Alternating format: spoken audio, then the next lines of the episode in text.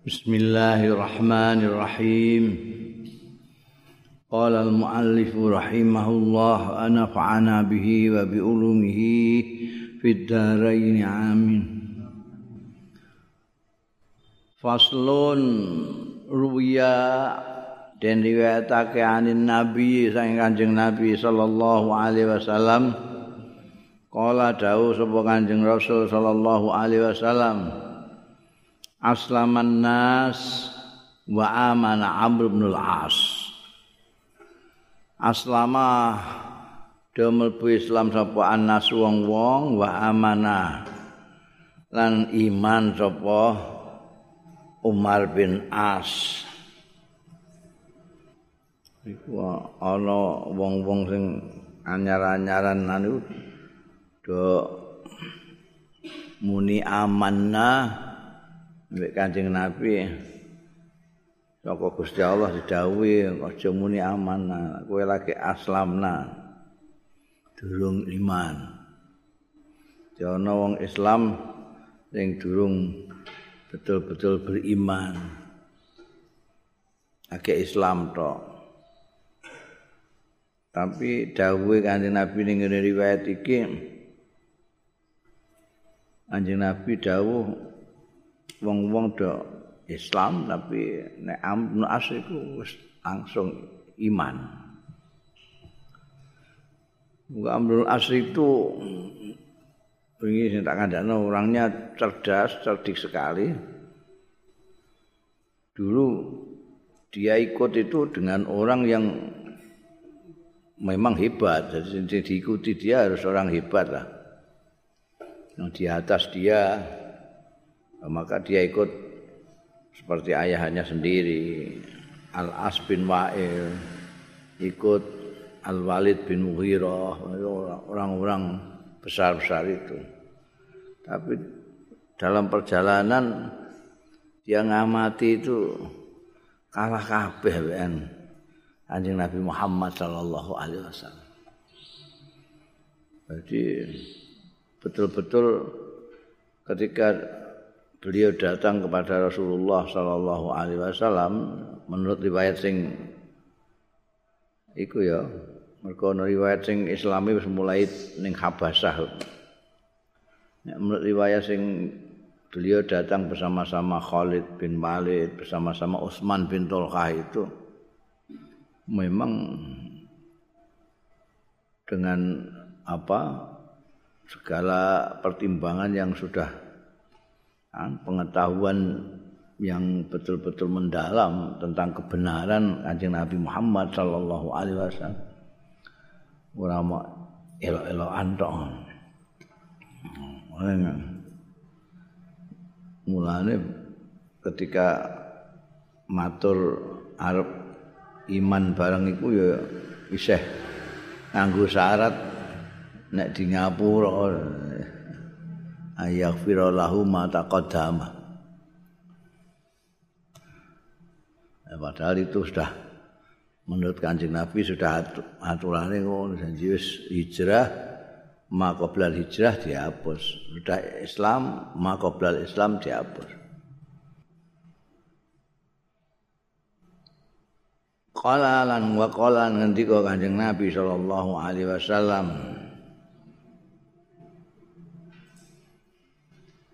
Ibna al-As mukminani. Dua orang anaknya Al-As bin Wa'il iku mukminani mukmin kabeh. Padahal bapake benggolan musuh benggolan wong kufar Mekah. Anake loro sing mukmin yaiku Amr wa Hisham. Amr bin As wa Hisham bin As. Dan kalau kita lihat lahiriahnya saja itu karena anjing Nabi Muhammad Sallallahu Alaihi Wasallam itu di dalam berdakwah itu pandangannya jauh sekali. Kita ingat pada waktu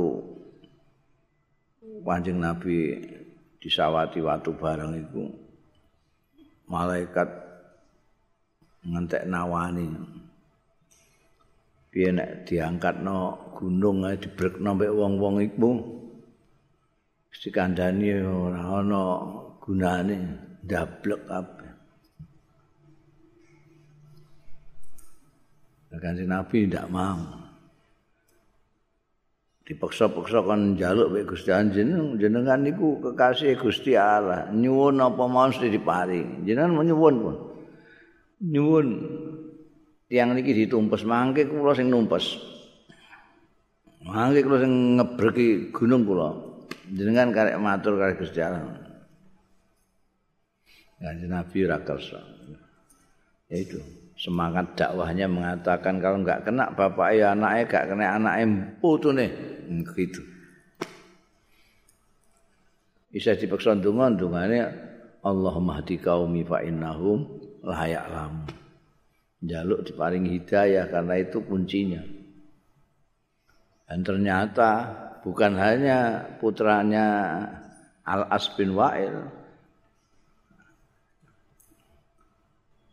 Khalid bin Walid itu anaknya Al Walid bin Muhir. Ikrimah itu anaknya Abu Jahal. Ya, jadi itu jadi wong mukmin mukmin.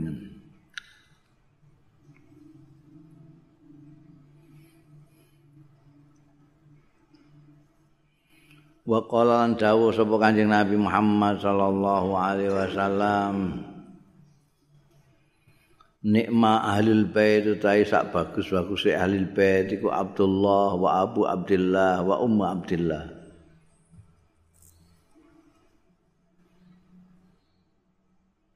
Abu Abdullah wa Abu Abdullah wa Ummu Abdullah kawulane Gusti Allah bapake kawulane Gusti Allah emboke kawulane Gusti Allah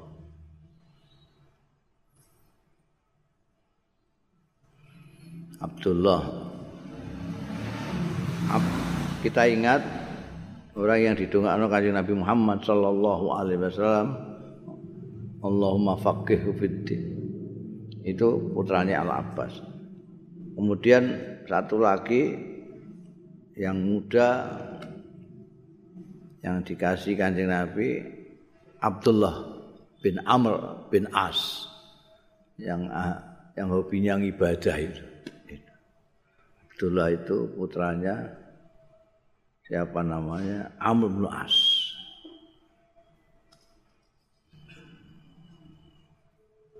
Ibune mukmin, bapaknya mukmin, dia sendiri mukmin. Meskipun kakeknya musoi, eh, musoi. Abdullah bin Amr bin As itu Mbak Al As itu tokoh kufar Mekah, tapi dia sendiri bapake mboke orang mukmin. Disebut Kanjeng Nabi nikma ahlul bait. Ahlul baitnya Abdullah bin Abbas. Nah itu tumbuh dalam keluarga rumah tangga yang begitu itu maka Abdullah bin Abbas lalu senengane ibadah. Bunda Abdullah bin Abbas sudah lebih dulu dituturkan kemudian ayahnya ini Amr As sekarang zikru Amr bin Jamuh al Ansari ini Ansar sekarang. Kalau Amr bin As itu orang Mekah. Muhajirin. Kalau Amr bin Jamuh itu orang Ansar mimbani salamata saking bani salamah. Ustus hida gugur syahid iya Amr bin Jamuh bi Uhudin ana ing perang Uhud. Wadufina lan den pendem dikebumikan Amr bin Jamuh wa ya Amr bin Jamuh wa Abdullah bin Amr bin Haram dengan Abdullah bin Amr bin Haram masih famili fi qabrin wahidin ing dalam kuburan yang satu. Ini di di perang Uhud itu apa namanya tidak dikubur satu satu persatu itu. Yang dikubur sendirian itu Sayyidina Hamzah. Hanya itu bareng-bareng Kala Nabiyu ngendika sapa Kanjeng Nabi sallallahu alaihi wasallam Sayyidukum al-Ja'dul Abyad. Utawi pemimpin ira kabeh iku al-Ja'dul Abyad wong sing rambuté keriting putih. Rambutnya Amr bin Jamuh ini uban tok tapi keriting Nah, ini kanjeng Nabi dawuh Sayyidukum al-Ja'dul Abyad Amr bin Jamuh. Wa kana ana sapa Amr ana iku A'raj. Kana ana sapa Amr bin Jamuh iku A'raja. Iku pincang. Dia ini pincang. Faqala maka dawuh sapa Nabi Kanjeng Nabi sallallahu alaihi wasallam. Kaani kaya-kaya stune ingsun iku anzuru ningali ingsun. Ilahi marang amr bin jamuh. Yamsi ngang lumaku. Ya amr birijlihi lawan sikile. Amr iki hazi iki. Sahihatan hale sehat. Fil jannati dalam swarga. Ning swarga iku Amr bin Jamuh itu tidak pincang lagi. Waras wiris iki.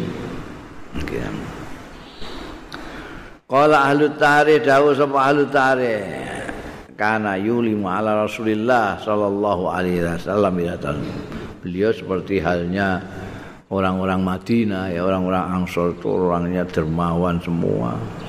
Kalau kita lihat ha? Apa sejarahnya orang-orang Madinah itu memang luar biasa.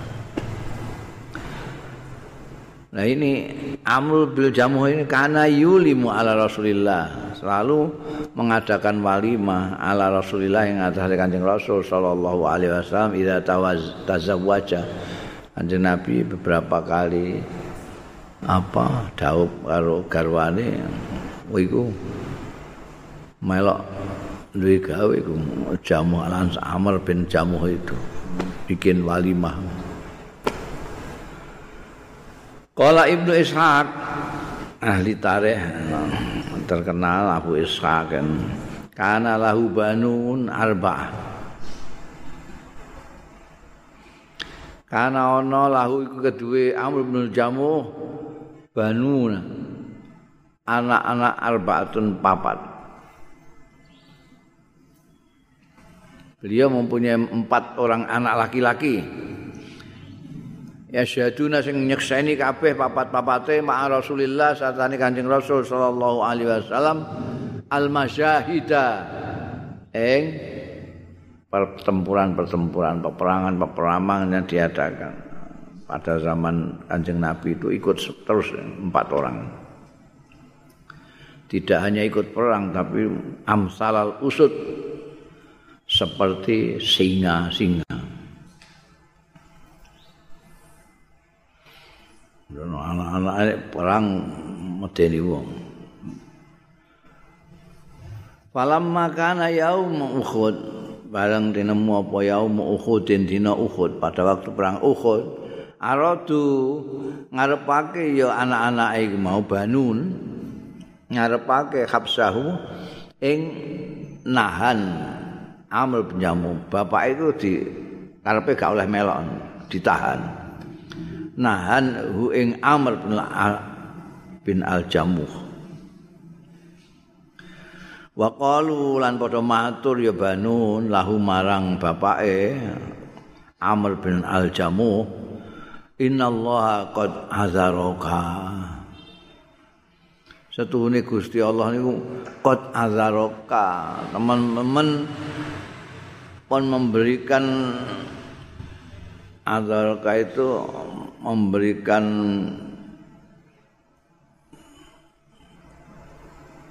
memberikan apa? Jadi orang melok gak apa-apa gak melok gak apa-apa. Karena ada uzur yaitu apa? Bahasanya itu apa? Azaroka itu memberikan maaf ya wong kaya salah memberikan apa itu eh Iku wis gak kowe gak gak mal gak mal bulah tak tak iku azar. Kamu ndak ndak usah ikut perang nggak apa-apa. Itu azal. Apa itu bahasa kene apa? Eh? Jadi asalnya kan uzur itu alasan. Jadi karena dia punya alasan sudah sepuh, pincang sisan, itu sebetulnya sudah azaroka, nah, artinya sudah cukup alasan untuk tidak ikut perang gitu loh. Nah, itu apa maknanya? Nek mana nih memaafkan, engko apa jumbuh karo jaluk ngapura. Iki oke gak jaluk ngapura. Masuk gak ono bahasane kene innallaha qad azaroka. Dah uh, nek menerima menerima alasan dong dia tidak minta tidak memberikan alasan. Kalau tak mboten derek mau nggih kula pincang. Gak muni ngono kok dekne kok. Malah ngotot meluk perang kok. Jek apa jek bahasane kuwi eh? Satu saya nek bisa. Eh bahasa Jawa atau bahasa Indonesia? Mudah itu eh Apa? Piye? Piye? Ma? Bintang. Meng? Mengizini. Lho, izini ku ora melok perang piye? Nggih. Wong iki ora, ndekne ora usah melok perang iku gak apa-apa. Gak mengizini, kok ngizini piye? Mengizini untuk tidak ikut perang. Nah, itu Jawa ngono kudune. Mengizini untuk tidak ikut perang. Apa itu? Mengizini untuk tidak ikut. Ya ngono pokoke ngono ke Pak Agus. Inna Allah sebenarnya Gusti Allah kot azal teman-teman mengizini untuk tidak ikut jenengan itu. Fata Dia dicegah anak-anaknya mau terus sowan sapa Utbah eh Um Amr bin Jamuh Rasulullah ing Kanjeng Rasul sallallahu alaihi wasallam faqal mongko matur wadul sapa Amr bin Jamuh niku Kanjeng Rasul. Ya biyen ya semuanya Kanjeng Nabi tatapane Kanjeng Nabi sing apa lawane anake dhewe cek wong liya ndekne gak cocok ya matur Kanjeng Nabi. Ya Rasulullah, duh Kanjeng Rasul, inna bani setune anak-anak kula ini habasuni. Sami nahan, kula mboten asal mel.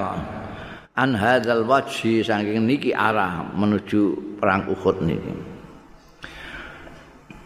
Wal khuruj lan medal ma'aka satane panjenengan fihi ing dalem hadzal wajah. Tujuan ke Uhud niki perang Uhud itu kan seperti diceritakan oleh ahli-ahli tarikh itu orang-orang kufar Mekah pimpinannya Abu Sufyan itu ingin membalas dendam kekalahan mereka di Badar. Balas dendam juga karena banyak familinya, keluarganya yang terbunuh di perang Badar itu. Seperti Robiah, Utbah itu kan familinya Sufyan kabeh. Wah terus nyerbu ning Medina. Oh, nyerbu ke Medina. Nanti Nabi seperti biasa pada waktu perang Badar juga begitu. Jadi ini juga rembukan dengan sahabat-sahabat. Gimana ini ya? Ini informasinya wong wong Mekah ini kerik lampit mau nyerbu kita semua. Kita tunggu saja biar mereka masuk Madinah atau kita papakan di luar Madinah. Sebagian berpendapat kita tunggu aja di sini. Kita kalau di sini menang posisi, kita tahu medan karena ini kota kita sendiri, mereka masih belum tahu. Mereka tidak tahu denahnya Medina segala macam. Kita bisa. Situ enggak, Pak. Kita papak nang ngene. Jopo anu saja. Biar tidak merusak negeri kita kita keluar saja kita papaknya di luar Madinah.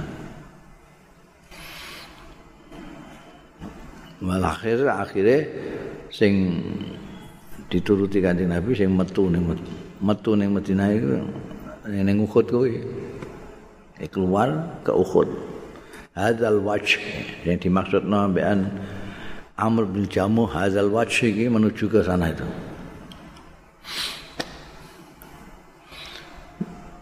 menurut ahli-ahli tareh dua pendapat tadi itu sing nom-nom memang yang menghendaki keluar. Sing tua-tua itu menghendaki di Madinah saja nunggu mereka masuk.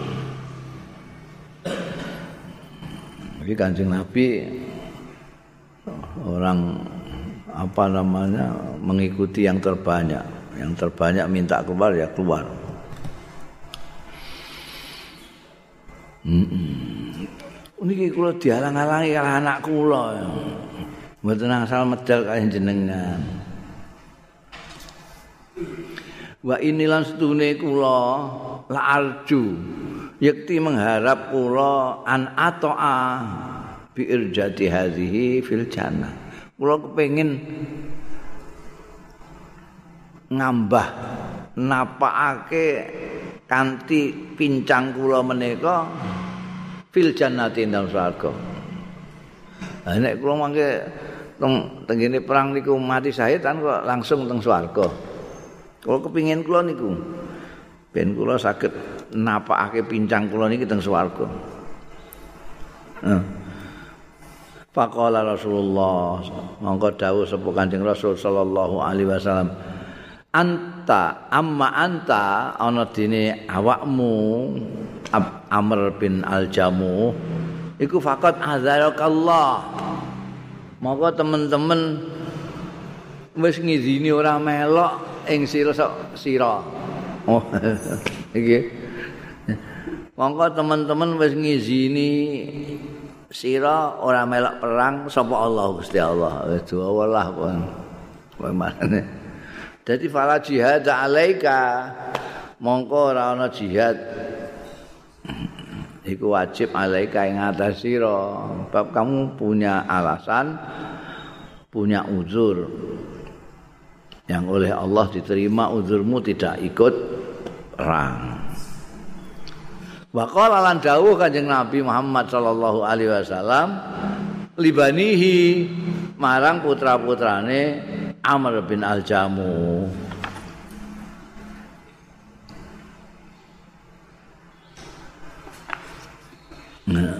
La alaikum ora ana iku wajib ing atase sira kabeh. Allah tamanna. Allah tamnauhu. Ento ora nyegah sira kabeh ing bapakmu Amr bin Al-Jamu kamu mau apa lagi om bapakmu ngotote ngono jare. La alaikum alla tamna'uhu. La Allah mbok menawa Gusti Allah iku ayar zukahu ing yen to maringi sapa Allah ing bapakmu. Amr bin Al-Jamuh as-syahadata ing syahid. Oh. Nah sing muni la ala Kanjeng Rasul sallallahu alaihi wasallam donga ya mandi. Pakara jamaah. Mongko sida melok.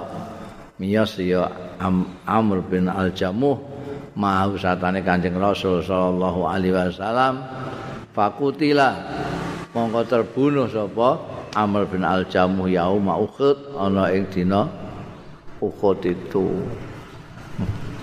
Pincang-pincang barang kepengin melok perang. Akhirnya terbunuh wa qala muslimun bin subeh bin sabih ya kena. Qala muslim sabi qala amr. Dawuh sapa amr bin al jamuh libanihi marang anak-anak ya amr bin al jamuh mana tumuni al jannah bi badri? Kowe iku mbiyen ngalang-alangi aku. Ngalang-alangi sira kabeh ing ingsun al jannata ing swarga bi badri ana ing badar. Ning badar iku aku mbok alang-alangi gak melok juga wallahi demi Allah la in laqaitu namun ketemu aku yang musuh itu eh. Es ta pokoke aku gak gak gelem larang meneh aku. Fabala Ghazali ka Umar, mongko sampai apa zalika mengkono-mengkono pengendikane Amr bil Jamuh niku anak-anake mau falakiyahu. Mongko nemoni sapa sahabat Umar ing Amr bin Jamuh faqala mongko dawuh sapa Umar bin Khattab radhiyallahu anhu anta alqail kadza wa kadza Lai sampean iku alqail sing ngucap kadza wa kadza ngene ngene. Kowe nek pokoke mbok cegah zaman perang Badar nusa. Awas, nah saiki aku ora iso. Aku kudu ning swarga. Jembok cegah neh. Sampai sing muni ngono. Kala jawab sapa Amr bin Jamuh, "Naam." Nggih. Alam malaki yaumul Uhud. Bareng ketemu sahabat Umar yauma Uhudin ana ing dina Uhud kala dawuh sapa Umar radhiyallahu an lam yakun lihamun ora ana li kedue ingsun. Lam yakun ana iku kedue ingsun apa hamun? Pikiran ghairu liyane omong apa jenenge? Amrul jamuh mau. Fatolab tuhu mongko goleki sapa ingsun? Ing amrul jamuh. Aku muga kelingan omongane. Ning gone anak-anake manak tumuni jannah bi badrin wallahi la in laqait fa idzan huwa fir'al Faizan dumadaan huwa utawi Amr bil Jamuh iku fi ra'ilil awal ing dalam barisan depan. Ra'il awal iku yakni fi muqaddamatil jais. Di garis depannya pasukan. Alladzina laqul kuffar kang mapake al kuffar ing wong-wong kafir. Tak goleki wong iku. dadak dene ning ngarep dhewe mapakno musuh-musuh. Oh ya, terbunuh tenan. Sesuai dengan keinginannya. Wa an Abi Qatadah lan saking sahabat Abi Qatadah kala ngendika Abu Qatadah ata Amr bin Jamuh ila Rasul atasawan sapa Amr bin Jamuh ila Rasulillah marang Kanjeng Rasul sallallahu alaihi wasallam. Qala matur sapa Amr, ya Rasulullah, duh Kanjeng Rasul, araait ing kotal tu fisabilillah. Sepundi pendapat jenengan ing kotal tu lamun perang kula fisabilillah ing dalam agama Gusti Allah kata uktala sehingga terbunuh kula. Atarani amsi birijli napa menurut jenengan atarani ningali panjenengan ing kula amsi melampah kula? Birijli kelawan sikil kula hazihi niki fil jannati ing dalem swarga. Kula nek melok perang terus kula mati ngapa kula mangke teng saged sikil kula sing pincang saged melampah teng kene swarga mah wa kana tan ana parijluhu iku arjaa. Iku rujuke kanat ning gone sukune amr bil jamuh sing pincang mau iku arja. Arja. Arja itu sipate sikile pincang maknane pincang wonge araj orang yang pincang itu araj. Nyuwun disuni pirsa ngono mau faqala mongko dawuh sapa Rasulullah sallallahu alaihi wasallam na'am ya ya. Ya sikil iku mlaku ning swarga.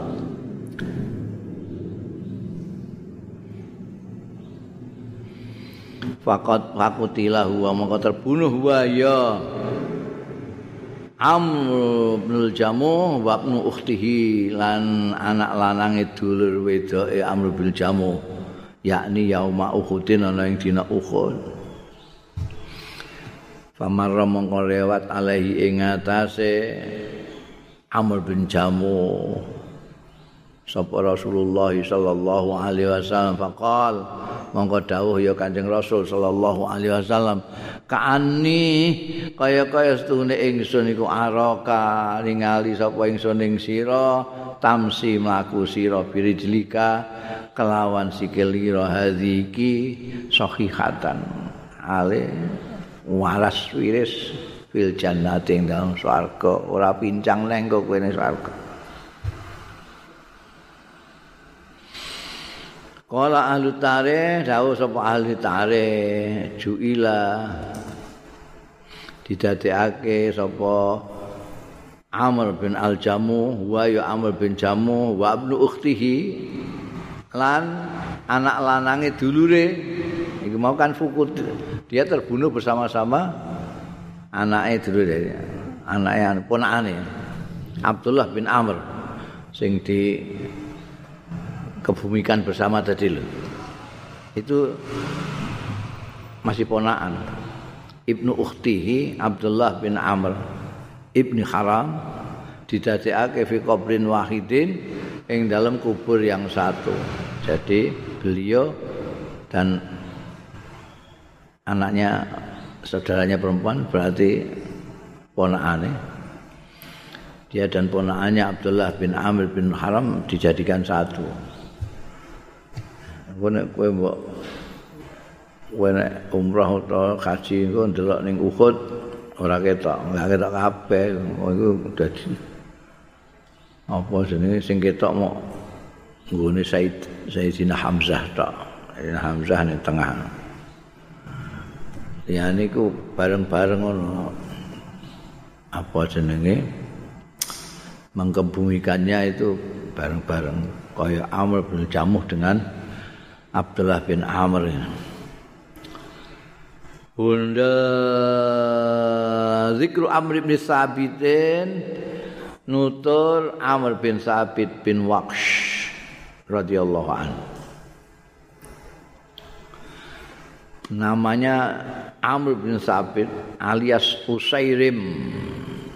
Usairim terkenal di kalangan kawan-kawannya Usairim bin Abdul Azhal Bani Abdul Azhal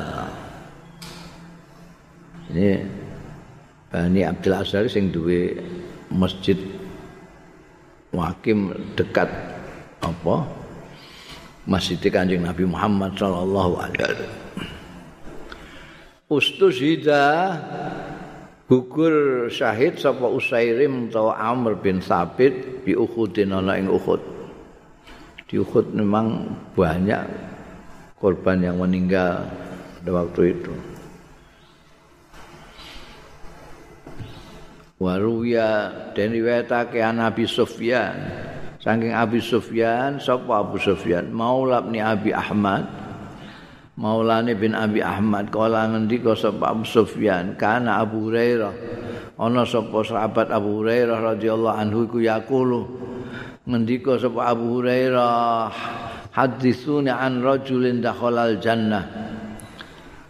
Nyritanana sira kabeh ing ingsun an rajulin tentang wong lanang dakhala kang mlebu ya rajul al jannata ing swarga padahal lam yusalli salatan qatu padahal durung tau salat salatan ing sak salatan qatu babar bisa Tidak pernah sholat sekalipun tapi masuk surga. Mana sih ngerti? Hati suni. Mbak Idan lam ya'rifun nas. Kan sing roh. Abu Hurairah bedheki wong-wong iku Eh, jajal ana sing ngerti apa gak? Wong lanang mlebu swarga padahal durung salat blas. Fa idzan dumadaan lam ya'rifu. Ora ana sing ngerti ing tentang rajul iku mau sapa annasu wong-wong. Fasalu mongko do nyuwun pirsa ya nas hu ing Abu Hurairah man huwa niku sinten? Huwa utawi rajul. Mboten ngertos. Sinten niku mang kala ngendika sapa Abu Usairim jenenge Usairim mlebu swarga durung salat Usairim sing pundi? Mimbani Abdul Azhar. Aliase Amr bin Sabit bin Waqsh.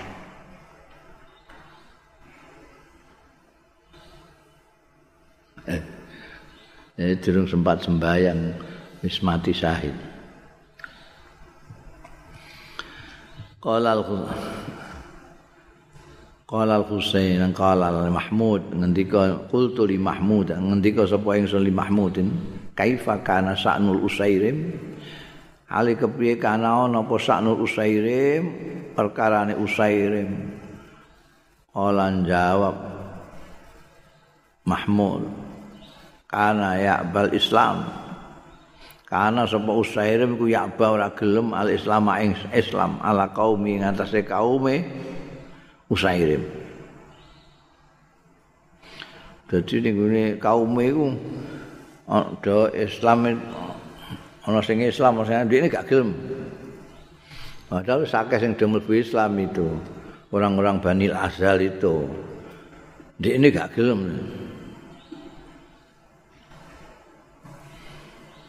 Jadi ngertine kaum iki iki anu iki wong wong kafir. Wong pancen gak gelem. Nah.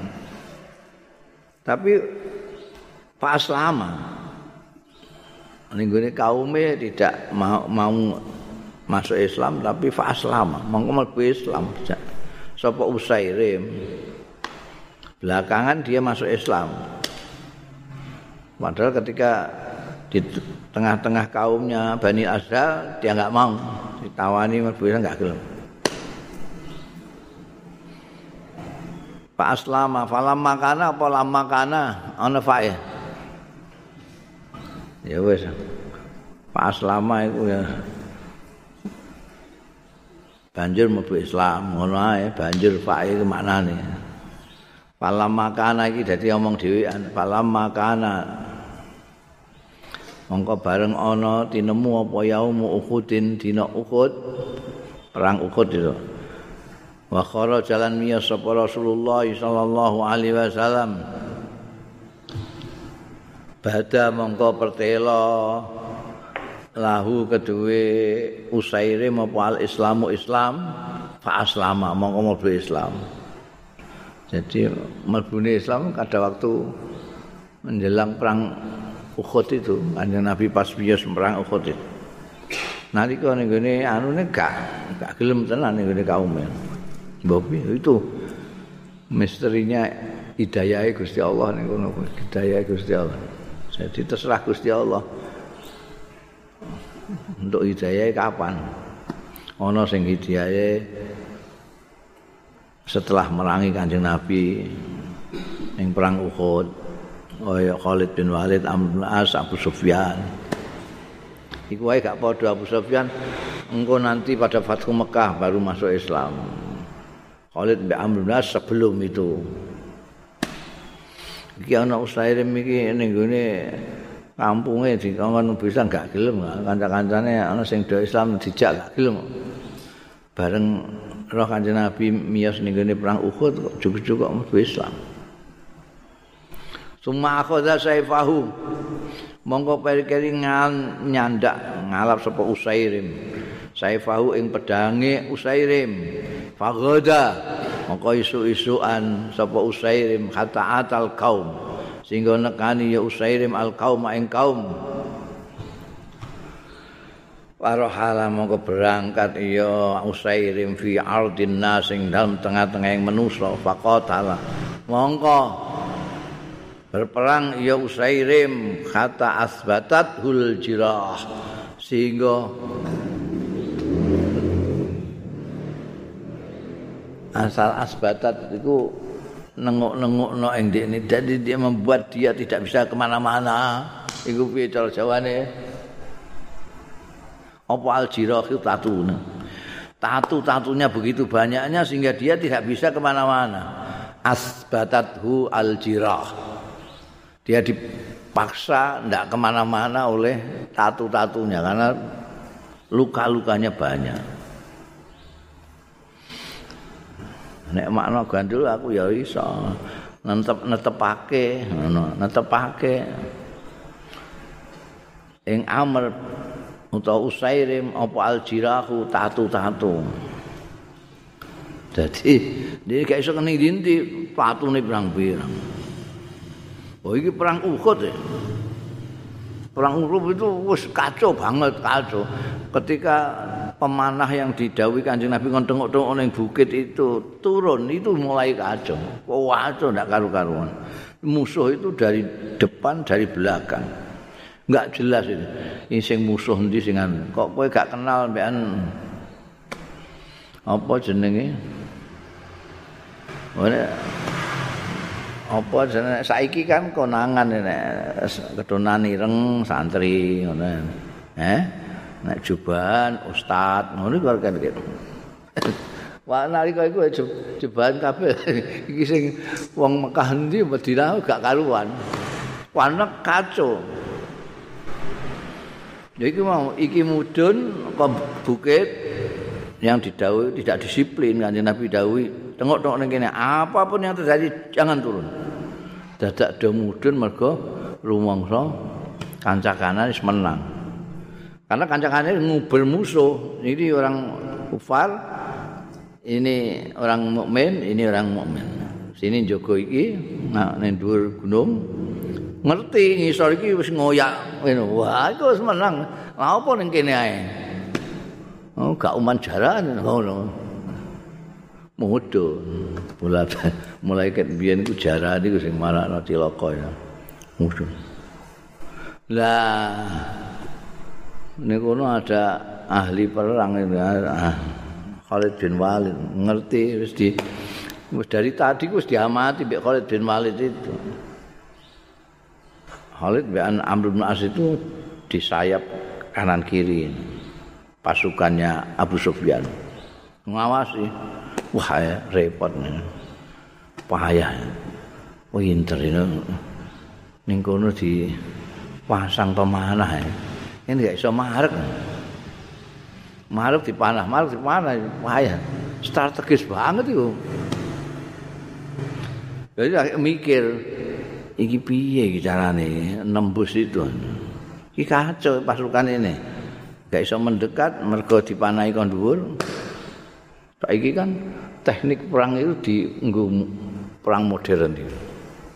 Nek perang itu iki artileri mbek kavaleri berangkat ning kene ana pasukan yang memayungi itu dari atas.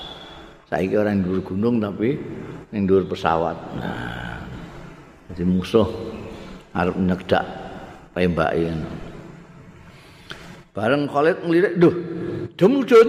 Ah iki iki berarti geblas ae pasukane ambil alih. Terus diambil alih. Bayang lho Jadi di sini ini musuh, sini di sini kene dikuasai Khalid bin Walid.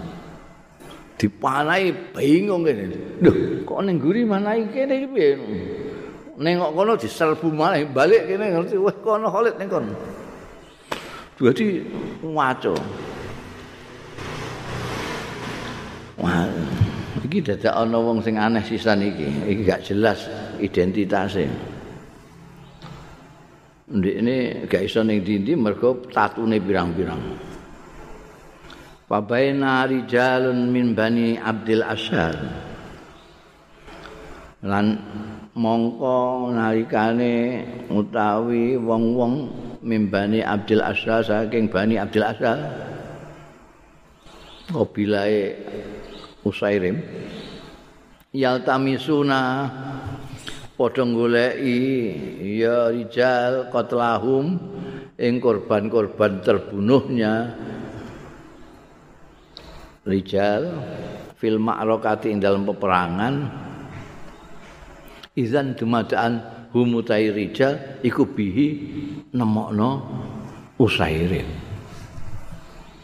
Jadi perang sudah rampung kan terus wis do mlayu. Lah untungnya itu kan pada perang itu ya pitulungane Gusti Allah itu sebetulnya diterusno. Nek Abu Sufyan komando Wah, habisi saja terus tuntas kan ya. Tuntas.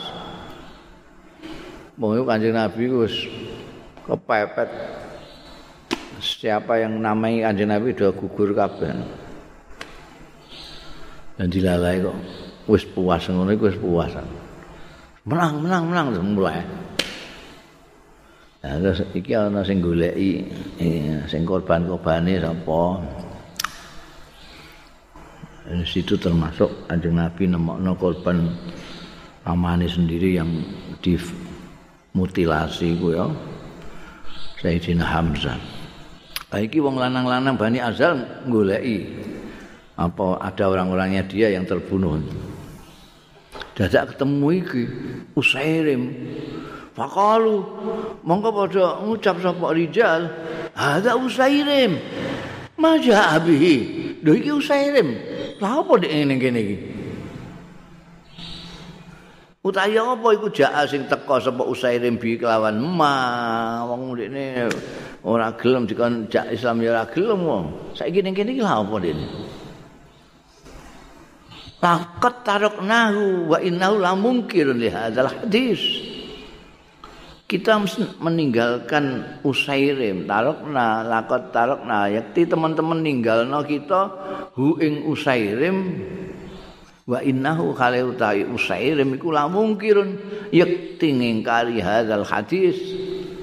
Marang iki kejadian. Dik ini gak gelem. Mlebu Islam ra gelem kok. Fasalu majabi mongko padha nakoni sapa rijal mau hu ing amal utawa usaire mau. Maja abi utawi apa iku jaa sing ndadekno teka usaire bi kelawan sebab ma Pakalu mongko ngucap sapa rijal. Maja abi kaya amr tayo apa iku jaa sing teka bika kan sira ya amr he amr Kowe kok ning kene iki apa? Ahadban ala kaumika, apakah mergo simpati ala kaumika ing atase kaummu? Amruhbatan fil Islam utawa kowe demen fil Islam ing dalam Islam. Iku. Eh, mengawa apa mergo kowe sakake karo kaummu apa mergo kowe seneng Islam? Kala jawab Usairim. Bal ruhbatan fil Islam. Balik mergo aku demen fil Islami ing dalam Islam aman tu billah. Aku iman billahi kelan Gusti Allah wa rasulih lan utusane Gusti Allah. Wa akhadtu saifi. Dan aku bareng aku wis iman tenan karo Gusti Allah mbek utusane Gusti Allah, aku terus akhadtu nyek nyandak sapa ingsun saifi ing pedang ingsun faqataltu mongko melok perang sapa ingsun nglawan wong-wong kafir.